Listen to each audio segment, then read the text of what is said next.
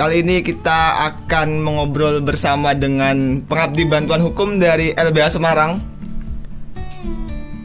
Eh, kawan Niko, bagaimana, Bang Niko kabarnya? Alhamdulillah sehat Bung. Alhamdulillah. Gimana kabarmu sendiri? Alhamdulillah eh, saya eh, sehat ya. Tapi karena pandemi jadi nggak bisa bebas ke mana-mana. Ya lebih banyak di rumah. Apa aktivitas hari ini? Eh, aktivitas hari ini mengurusi beberapa berkas. Terus jalan-jalan. Terus eh, banyak lah. Oke sih. Bang Niko apa aja nih hari ini? Akhir-akhir ini sedang sibuk apa aja? Biasalah eh, kita masih ber LBH coba bertemu dengan beberapa jaringan, beberapa kawan untuk mempererat ataupun memperkuat konsolidasi gerakan masyarakat sipil di Jawa Tengah ini. oke. Karena kita sudah mm, berada dalam ancaman yang sangat besar. Oke.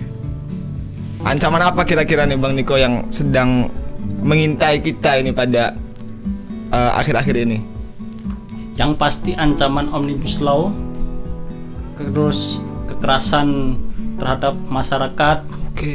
intimidasi hingga kriminalisasi yang dilakukan oleh eh, negara di beberapa tahun ini semakin meningkat. Itulah ancaman-ancaman yang eh, kita rasakan dan banyak kawan-kawan kita yang eh, diintimidasi masuk penjara hanya dia menyuarakan aksi-aksi atau menyuarakan hak-hak dia sebagai manusia. Itu yang terjadi eh, saat ini. Berarti akhir-akhir ini masih banyak kriminalisasi yang terjadi ya. Ya. Apalagi di masa uh, pandemi yang seharusnya uh, masyarakat ini bekerja dan beraktivitas seperti biasanya lalu terhalang Uh, masyarakat kecil yang pedagang-pedagang kecil yang mereka menggantungkan hidupnya dengan berjualan dan uh, mengharapkan pendapatan dari masyarakat namun daya beli akibat pandemi ini berkurang akhirnya berpengaruh kepada badan mereka gitu bang ya Betul sekali itu Bung. Jadi sangat dirasakan oleh kelompok-kelompok masyarakat kecil itu. Bagaimana efek adanya pandemi itu mengekang mereka dalam eh, sebuah ya ketidaktahuan mau ngapain lagi keluar mati terus di dalam juga mati dan negara nggak hadir di situ. seharusnya ada ini ya uh, negara harus memperhatikan masyarakatnya tidak hanya mengatur saja Ya ha- harus dilakukan itu oleh negara. Namun saat ini kita rasakan nggak hadir hanya membuat aturan membuat aturan menghukum yang nggak sesuai dengan aturan. Oke. Tapi pendidikannya ataupun eh, apa hal-hal yang dilakukan yang benar-benar dirasakan masyarakat untuk membantu kesulitan mereka nggak pernah dirasakan oleh masyarakat itu. Uh, bagaimana nih tanggapan uh, bang Niko terkait undang-undang yang sangat kontroversial. Undang-undang cipta kerja. Oh ya, undang-undang cipta kerja ya? Yang baru disahkan kemarin ya. Iya. Disahkan juga secara diam-diam, Bang. Uh, minim sekali partisipasi dari masyarakat. Yang seharusnya kita mempunyai uh, kedaulatan, kita masyarakat mempunyai hak untuk uh, berpartisipasi, itu pun diatur oleh undang-undang untuk bisa berpartisipasi dalam pembuatan peraturan. Dan pada saat uh, pembuatan proses pembuatan undang-undang cipta kerja ini minim sekali akan hal itu. Bagaimana tanggapan Bang Niko? Ya, itu sangat eh, dirasakan semua oleh eh, kelompok masyarakat ya, khususnya kelompok-kelompok yang eh, akan terdampak dengan adanya undang-undang cipta kerja itu. Oke. Eh, penyusunan yang tergesa-gesa, berburu-buru, terus eh, ditutup-tutupin. Sempat kan itu sempat muncul beberapa draft yang eh, diketahui oleh masyarakat, ya. terus mencoba menganalisis dari draft tersebut dari versi pemerintah katanya bilang, oh bukan itu draftnya, Oke. itu membuat kebingungan tersendiri di masyarakat. Harusnya kan eh, penyusunan itu ya terbuka Iya. agar menghimpun eh, masukan-masukan eh, semakin banyak masukan sebuah undang-undang itu akan lebih baik. Iya. Karena apa?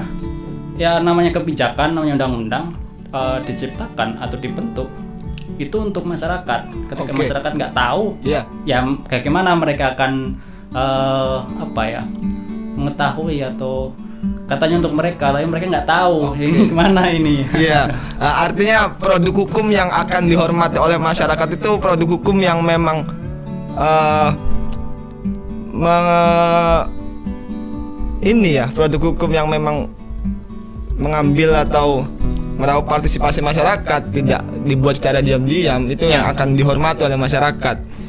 Uh, nah, uh, kita melihat bahwa Undang-Undang Cipta Kerja ini luas sekali cakupannya, tidak hanya di sektor industri, namun juga uh, mencakup di sektor kelautan dan perikanan.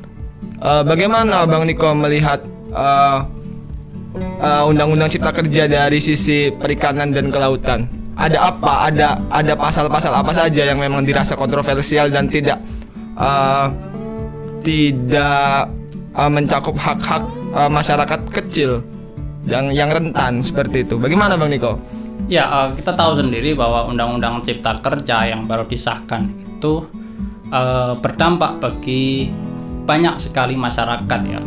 Eh, bukan hanya soal buruh, soal Oke. petani, soal nelayan, soal masyarakat yang memperjuangkan lingkungan. Nah, banyak sekali masyarakat masyarakat yang akan terdampak dengan adanya disahkan itu. Eh, kenapa eh, seperti itu? Ya tadi karena banyak banget yang akan diatur di undang-undang tersebut. Ada sekitar 70-an undang-undang yang akan direvisi berdasarkan undang-undang tersebut. Nah, revisi itu ba- baik dari semua sektor ya, karena eh, tujuannya pemerintah untuk memudahkan investasi tadi Ya. dengan judulnya ataupun dengan harapannya menciptakan lapangan kerja tapi eh, dia hanya menciptakan lapangan kerja tapi tidak memikirkan dampak-dampak yang akan dialami masyarakat dampak-dampak yang akan dialami eh, baik itu petani nelayan maupun mereka yang sedang eh, memperjuangkan lingkungan atau sedang eh, ini ya eh, memperjuangkan lingkungan yang hidup baik dan sehat tadi ya. Ya.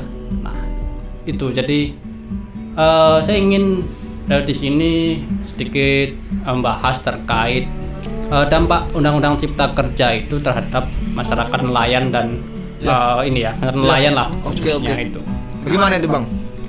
Jadi dalam Undang-Undang Cipta Kerja itu salah satunya adalah merevisi Undang-Undang Perikanan Ya. Dan juga Undang-Undang Kelautan. Nah, Oke. dalam undang-undang eh, perikanan itu yang seharusnya ada satu pasal di situ merevisi eh, definisi nelayan. Oke, Jadi oke. Bagaimana itu Bang eh, definisi nelayan? khususnya definisi nelayan kecil ya, definisi nelayan kecil yang di undang-undang sebelumnya itu nelayan kecil adalah eh, mereka yang mencari ataupun menangkap ikan eh, untuk kebutuhan hidupnya sehari-hari dengan kapal maksimal 10 gross ton. Oh iya, iya, iya. Namun di dalam Undang-Undang Cipta Kerja ini eh, hanya mengatur atau hanya ditulis bahwa dia yang mencari ikan eh, untuk ke- kehidupan sehari-hari baik eh, itu berkapal ataupun tidak berkapal. Oke. Nah, tidak ada aturan yang jelas eh, terkait berapa kapal yang harus dia eh, muati atau harus Oke. dia gunakan Ya. apakah 5 cross ton atau 10 cross ton Ya. itu tidak ada aturan. Nah, itu saya lihat bahwa akan berdampak bagi apa ya kesimpang siuran atau tidak jelasnya itu akan membuat konflik di mana Oke. orang yang oh, dia bukan untuk kehidupan sehari-hari tapi untuk komersil untuk eh, apa ya hmm, memupuk kekayaan semua penyaknya dia mengaku nelayan kecil Oke, oke. sedangkan nelayan kecil eh, di situ harus eh, bersaing dengan mereka eh, bersaing dengan nelayan besar itu. Nah itu salah satunya ketika tidak ada definisi yang jelas dari undang-undang tersebut. Iya. soal definisi nelayan kecil itu ya akan orang banyak semakin orang mengaku dia nelayan kecil padahal dia bukan nelayan kecil dia eh, golongan menengah ke atas ya. Nah itu salah satunya Eh, terus eh, sepertinya juga di Undang-Undang Cipta Kerja ini bahwa nelayan tadi dengan ketidakjelasannya definisi nelayan, entah itu nelayan yang kecil atau nelayan besar, ada juga peraturan perizinan ya bang, perizinan yang mana memang tidak negara tidak memandang mereka itu nelayan kecil atau mereka itu nelayan besar. Uh, mau tidak mau harus tetap uh, melakukan perizinan. Padahal kan nelayan-nelayan kecil ini mereka hanya mengambil atau mencari ikan itu seberapa sih kan nggak sebanyak nelayan-nelayan atau uh, uh, kapal-kapal yang besar. Nah itu gimana bang melihat uh, pengaturan perizinan tersebut? Ya benar. Jadi dalam Undang-Undang Cipta Kerja itu eh, mengharuskan seluruh nelayan, termasuk juga nelayan kecil, untuk memproses ataupun mengurus perizinan tersebut. Oke. Nah, di mana kita ketahui sendiri Undang-Undang Cipta Kerja itu eh, menarik kewenangan daerah, baik itu di kabupaten atau provinsi, ditarik ke pusat eh, berkaitan dengan perizinan. Ya. Eh, di situ ketika nelayan kecil tadi yang nelayan kecil kan hanya untuk eh, ini ya kita definisikan nelayan kecil ya dia yang tadi mengen- untuk kebutuhan hidupnya sehari-hari Oke. dia menggunakan kapal kecil Ya. terus paling eh, melaut itu hanya sejauh eh, satu mil dua mil Iya.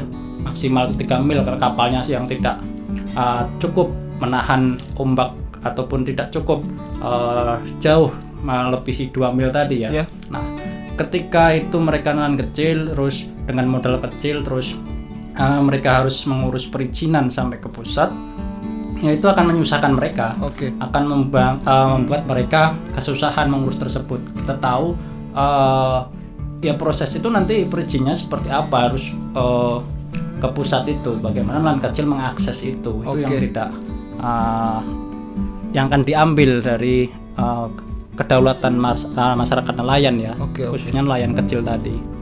Karena semua nelayan berdasarkan undang-undang cipta kerja eh, Oke. eh, undang-undang eh, cipta kerja itu ya ya mereka harus mengurus perizinan itu Ya. Berarti nelayan-nelayan kecil maupun besar itu harus uh, mereka tetap ini ya, tetap harus membuat izin ya. Itu sangat merugikan sekali bagi nelayan-nelayan kecil yang memang mereka hanya mengambil ikan dengan kapasitas yang tidak banyak dan biasanya pun mereka uh, sebelum-sebelumnya pun tidak ada pengaturan seperti itu ya kan bang.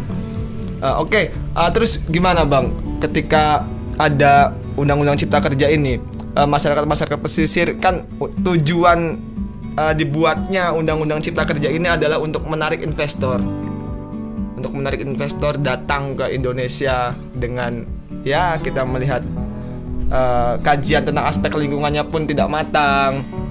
Nah, dengan adanya uh, ekspansi uh, perusahaan untuk masuk gitu, kira-kira apa dampak yang akan dirasakan oleh masyarakat pesisir?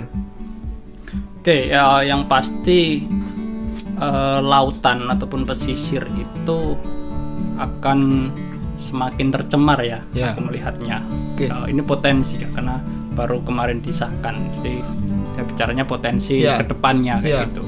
Nah, sebelum ada undang-undang cipta kerja sendiri, pesisir itu sudah mulai diserang dengan adanya tambang, dengan Oke. adanya reklamasi, dengan adanya uh, industri-industri di wilayah pesisir, Oke, contohnya oke. PLTU. Ya, Nah, uh, taruhlah contoh satu PLTU lah. Entah kalau di Jawa Tengah ini kan ada PLTU Batang, ada Iya. PLTU Rembang, PLTU Jepara, Oke. PLTU Cilacap kayak gitu. Nah, masyarakat di situ uh, melihat ataupun merasakan dampak PLTU itu yang sangat mengganggu mereka ataupun sangat uh, membuat mereka semakin terpinggirkan. oke oke. Jadi masyarakat pesisir yang eh, tinggal di pesisir ya lama-lama akan dipinggirkan dengan adanya industri-industri tersebut. Ya, Eh, kita tahu PLTU selain dia eh, berada di wilayah laut yang itu pasti akan mengganggu eh, nelayan untuk mencari ikan. ya, Dampak PLTU sendiri juga eh, asapnya baik itu fly ash ataupun bottom ash. Oke. eh, asap yang keluar yang menjadi debu ya, Nah, itu akan membuat mereka eh, ini semakin sengsara ketika eh, asap itu dihis- dihirup ya. oke oke. Eh, terus menerus ya akan mengganggu kesehatan mereka. Nah, terus eh, baik eh, ini apa ikan-ikan yang di sekitar PLTU itu ketika air PLTU diambil oleh eh, air di laut diambil oleh eh, PLTU untuk membakar pemanasan turbin tadi ya Iya. yang eh, bisa menjadi uap dan uap itu akan tadi memutarkan turbin menjadi energi listrik tadi kan itu membutuhkan air yang sangat banyak sekali itu juga akan berdampak bagi ikan-ikan sekitar akan eh, menjauh ataupun akan pergi dari situ Oke oke. Nah, selain itu hak akses masyarakat nelayan ya. Ketika hak akses itu eh, PLTU kita tahu sendiri luasnya eh, lebarnya ataupun itu akan mengganggu mereka yang harusnya tinggal lurus nelayan-nelayan kecil itu Ya. harus memutar melewati PLTU. Itu beberapa contoh di daerah-daerah di Jawa Tengah yang memang sudah ada PLTU-nya. Ya. Nah, selain itu juga pencemaran air dengan udara pasti mereka eh, mengeluarkan limbah ya, Iya. industri-industri itu. Ketika industri-industri itu mengeluarkan limbah, di mana langsung dibuang di laut, ya ikan akan mati Akan dengan mati dong. Iya. eh, apa zat-zat kimia, zat-zat eh, dalam pabrik Zat- tersebut. Racun yang Nah, mm. diproduksi oleh PLTU ya. Nah, kita lihat sendiri Undang-Undang Cipta Kerja ini tujuannya untuk menarik, eh, mengajak ataupun eh, industri-industri agar masuk Oke. dengan kemudahan berusaha tadi. Iya.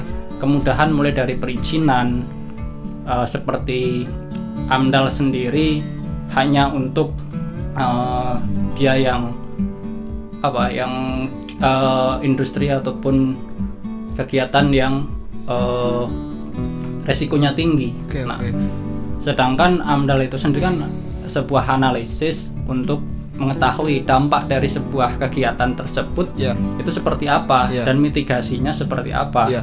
Ketika industri-industri yang seharusnya wajib andal berdasarkan undang-undang PPLH, Oke. nah eh, itu hanya diberikan kemudahan dan tidak memiliki eh, tidak harus wajib amdal, Oke. ya yang sudah ada amdalannya aja taruhlah eh, di contoh lain ada kasus eh, pencemaran eh, PT Rum kayak gitu dia Iya. sudah ada amdal sudah berdasarkan eh, perizinan ada sidang amdal dan sebagainya ada oke. izin lingkungan tapi ternyata itu sampai sekarang eh, mencemari warga Oke. sudah terjadi pencemaran-pencemaran itu baik ada di darat maupun di laut Ya.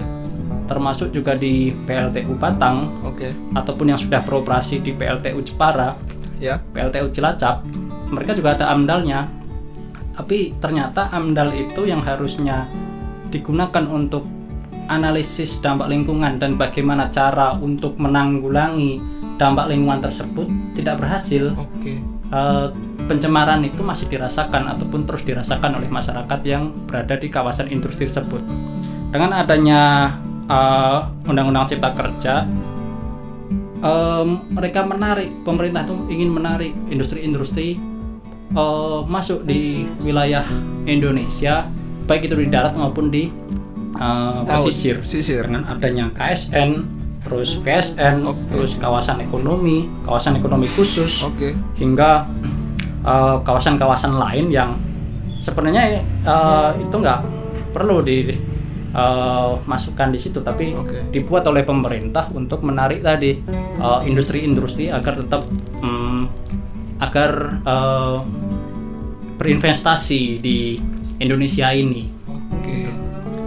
Wah, berarti dampaknya luar biasa sekali, Bang ya. Eh, dampak eh, Undang-Undang Cipta Kerja ini bahwa AMDAL yang memang sudah sebelumnya diatur sebelum ada Undang-Undang Cipta Kerja itu juga tidak disikapi secara serius dan sekarang malah hanya sektor-sektor tertentu saja tertentu saja ya di Undang-Undang Cipta Kerja yang membutuhkan kajian AMDAL itu. Wah, jadi apa nanti Bang Indonesia ini kalau kayak gini? nggak tahu ya itu jadi apa yang pasti kalau kita melihat dari bacaan kita terkait undang-undang cipta kerja ini Iya. dengan potensi dampak terhadap masyarakat khususnya masyarakat eh, seluruhnya ya karena ini akan berdampak kepada seluruh masyarakat baik Oke. itu nelayan petani eh, terus eh, buruh Ya. itu akan semakin eh, memperparah pelanggaran-pelanggaran hak asasi manusia, pelanggaran terhadap hak atas lingkungan hidup yang baik dan sehat, Oke. hak eh, nelayan dalam mengakses laut dan itu ancaman kita ke depan adanya undang-undang omnibus law ini, undang-undang cipta kerja ini. Uh, Oke Bang Niko, uh, kita melanjutkan ya. Uh, tadi uh, terkait dampak-dampak yang uh, dirasakan ketika ada peraturan kemudahan perizinan bagi nelayan-nelayan asing yang masuk zona eksklusif. Itu gimana Bang? Sedangkan nelayan-nelayan asing ini kan kapasitas kapalnya itu kan besar-besar, nggak mungkin mereka jauh-jauh dari negaranya lalu lalu datang ke Indonesia dengan uh, perahu atau dengan kapal-kapal yang seperti nelayan-nelayan kecil ya itu kan tidak mungkin sekali. Ya. Nah, gimana bang? Kira-kira ada apa nanti yang akan ditimbulkan? Ya, jadi ada eh, dalam undang-undang cipta kerja itu memang eh, mengatur eh, kapal asing ataupun kapal negara asing ya itu bisa mengakses ataupun mencari ikan di wilayah eh, kedaulatan Indonesia atau wilayah perairan Indonesia Ya. di zona ekonomi eksklusif tadi ya. Nah, Oke. itu eh, ketika ada perjanjian dengan eh, Indonesia. Nah, namun eh, itu eh, saya lihat bahwa eh, akan berdampak bagi eh, wilayah akses nelayan itu dalam meng- eh, ini ya mencari ikannya Heeh. ia akan bersaing dengan nelayan Indonesia ya. Nah, meskipun itu di zona ZEE ya, nah di eh, 200 mil dari bibir pantai kayak gitu. Yap. Namun siapa yang dapat menjamin, eh, siapa yang akan mengawasi eh, kapal-kapal itu tidak masuk lebih dekat eh, ke sini terus eh, mencampuri atau mereka mm, menangkap ikan di kawasan-kawasan yang sebenarnya itu kawasan nelayan Indonesia Oke, mereka harus bersaing dengan nelayan-nelayan uh, asing tadi nelayan Oke. Indonesia tadi tadi uh, kau menyebutkan bahwa dengan teknologi di luar negeri itu kan Iya. mencari ikan yang itu sangat kan mengkhawatirkan ini sekali bang. mutakhir kan Mutakhir. Eh, ketakutannya adalah nelayan kita nggak dapat bersaing dengan Ya. nelayan asing itu. Nah, meskipun eh, perjanjian-perjanjian seperti apa, ketika perjanjian itu eh, justru ketika itu dipermudah kayak gitu kapal-kapal asing mengakses perairan Indonesia mencari ikan di Indonesia itu ya tadi eh, nelayan kita akan kewalahan ataupun akan kalah Oke, dengan bersaing dengan nelayan asing tadi melihat dari kemampuan nelayan kita yang mungkin uh, teknologinya ataupun alatnya juga Ya. belum begitu modern ya Iya, iya. dibanding dengan nelayan-nelayan asing tadi itu Bung. Gitu ya bang. Wah, tambah ngeri aja ini peraturan undang-undang cipta kerja ini. Ternyata nggak hanya berdampak pada sektor-sektor lingkungan, sektor buruh saja, namun juga berdampak ke sektor perikanan dan kelautan. Eh, Kira-kira apa yang harus kita lakukan Bang Niko dengan adanya potensi-potensi yang eh, merusak eksploitasi laut yang dilakukan oleh orang-orang dan eh, pencemaran-pencemaran lingkungan di kawasan pesisir yang tadi diceritakan juga dampak-dampak dari limbah PLTU dan lain sebagainya. Apa langkah konkret yang eh, bisa kita lakukan sedangkan undang-undang cipta kerja ini itu kan sudah disahkan. Gimana menurut pandangan Abang ini? Ya.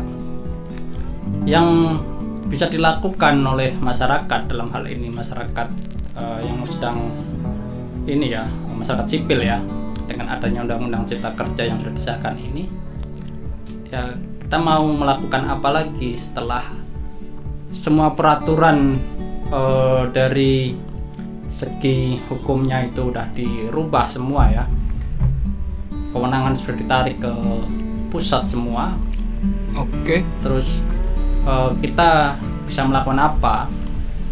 Yang paling memungkinkan adalah gerakan rakyat Gerakan rakyat ya. konsolidasi masyarakat di berbagai daerah lintas sektor baik itu nelayan buruh ataupun petani baik itu mahasiswa Oke. akademisi ataupun yang lainnya ya itu harus eh, saling menguatkan dan membuat gerakan rakyat sendiri Eh, kita nggak bisa percaya lagi dengan mekanisme-mekanisme hukum seperti ada beberapa hmm, dari eh, Jokowi sendiri meminta kalau nggak puas ya silahkan CR Iya, terus oh ini kan eh, ada PP-nya nanti silahkan Iya. kawal di PP-nya PP itu tidak akan berubah dari undang-undangnya sendiri Oke. Nah, terus eh, CR sendiri ya semua undang-undang yang menjadi candolan-candolan kita sudah dirubah semua Ya. sudah dilemahkan semua bagaimana kita akan eh, percaya dengan mekanisme-mekanisme hukum itu Ya. Nah, yang, Ya, pas- ya, ya. yang paling bisa dimungkinkan untuk kita lakukan adalah ya perkuat eh, gerakan masyarakat, eh, perkuat konsolidasi rakyat ketika ada hal-hal hmm, yang itu mengancam kedaulatan kita mulai masuk di ruang lingkup eh, kehidupan dan penghidupan kita, ya masyarakat itu harus eh, menghalang Ya. terus eh, tindakan langsung Ya. dengan eh, saling membantu ya rakyat bantu rakyat yang Ya. saat ini teman-teman eh, galang ini memang harus dibesarkan harus Ya. di eh, baik bukan hanya di satu daerah tapi harapannya ini menasional Ya. Eh, menasional terus ya kita membuat konsolidasi yang besar kita tunjukkan bahwa memang pemerintah itu saat ini salah eh, dalam memilih ataupun memutuskan kebijakan Iya. Itu sih Iya, iya. Berarti gini ya, Bang. Artinya langkah-langkah penguatan gerakan rakyat itu bukan berarti kita inskon- inkonstitusional ya, tapi kan itu juga masuk dalam hak kita. Karena pemerintah hari ini eh, menyarankan untuk CR dan akan membuat PP ya. Benar apa yang tadi disampaikan oleh Bang Niko bahwa PP tidak akan berubah dengan undang-undangnya. Kan gitu kan lucu sekali bang ya. Eh mungkin